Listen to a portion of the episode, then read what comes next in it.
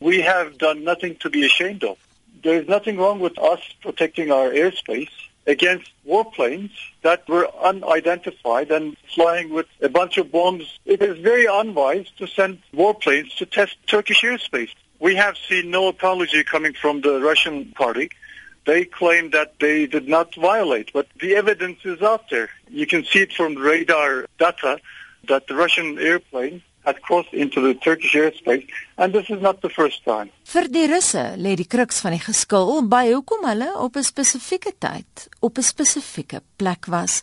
Ambassadeur Mikhail Petrakov. You're well aware about the coalition headed by the United States. Actually, there is a Russian-US document on ensuring the safety of combat aircraft flights in Syria. It includes the US commitment to ensure compliance with the, these rules by all members of the coalition, which includes uh, Turkey as well. Die Turkse ambassadeur Kaan Essener sê 'n spesiale kommunikasiekanaal is geruime tyd gelede reeds gevestig om Russiese en Turkse vlieëniers toe te laat om met mekaar te praat, juis om misverstande te vermy. We hailed them over that specific channel to make sure that it's not a Russian plane. No response. Russians and Syrians operate the same kind of airplane as per agreements, we would hail them and then they would respond to us and then, you know, we would find a way to eliminate any misunderstandings like this. So when the plane did not respond to us for five minutes and with a plane that's traveling over twice the speed of sound, five minutes is a long time. It was hailed over and over without any response. So our pilots did not know what kind of a plane this was, where it was coming from, and they presumed it was a Syrian plane. Die Russiese ambassadeur in Pretoria sê dis onwaar.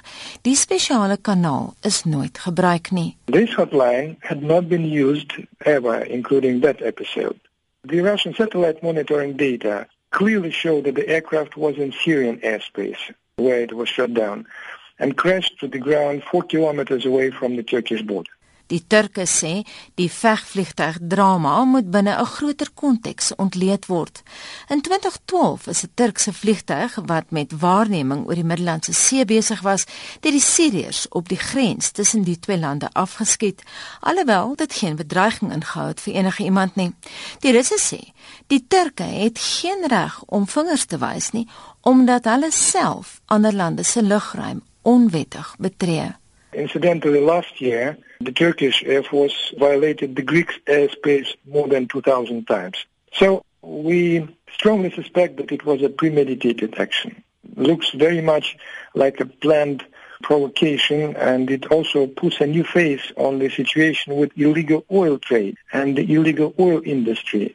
Ambassadeur Petrakov het uitgewy op sy beskuldiging dat die Turke ISIS beskerm omdat hulle finansiëel baat by die IS se olieverkope. The shooting down of the Russian aircraft happened after we started delivering highly effective precision airstrikes at the ISIS oil trucks and oil fields. Part of the Turkish elite actually gains from the oil trade. You may be aware that the Russian Ministry of Defense presented facts and footage to that effect and were prepared to present these facts to the United Nations. In a nutshell, what had happened there was uh, a stab in the back. Rusland het nou sanksies teen Turkye ingestel, iets waaroor die Turke trak maar nie agtig blyk te wees. We produce high quality, low price products. If they want to buy lower quality and higher priced products, that's their prerogative. That's their choice. We have nothing to do with it. I'm confident that our producers can find other people to sell their goods to. They can buy it from other people as well. These sanctions always go both ways. By trying to sanction the Turkish producers, the Russian Federation is also sanctioning its own people.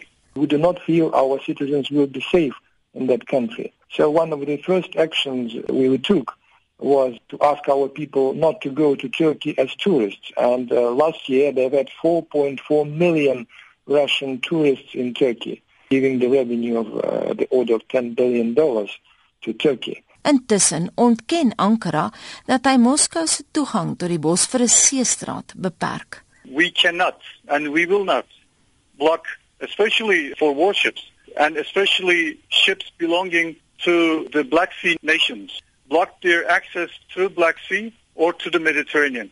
They have the right to innocent passage, safe passage through our straits. Of course, if they're not doing anything wrong. This has been regulated by international conventions, which we are party to, and we honor our obligations under these conventions. Op hulle beurt sê die Russe dat hulle nie gewone Turke probeer straf nie en dat dit hier maar net gaan oor hulle nasionale belang en veiligheid wat bedreig word. It was not the action to punish Turkey as a country or Turkish people. These were the steps to protect Russian security. But how do you see the current uh, impasse between the two countries playing out in the long term? For us, Turkey always was a very important neighbor and we tried our best, including personally my president, uh, President Putin, who made uh, a great contribution to the attempts uh, to improve our bilateral relations with Turkey. We've never heard uh, any apologies or any intention uh, to compensate or any commitment to punish the guilty. Die Turkse ambassadeur sê op die langtermyn sal alles wel regkom. We're not responding to any of those escalatory measures that the Russian Federation is taking.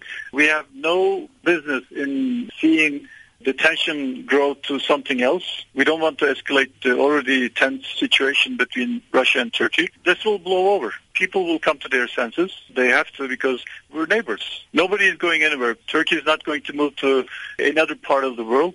I think Russia is going to stay put as well. So we have to find a way to live together.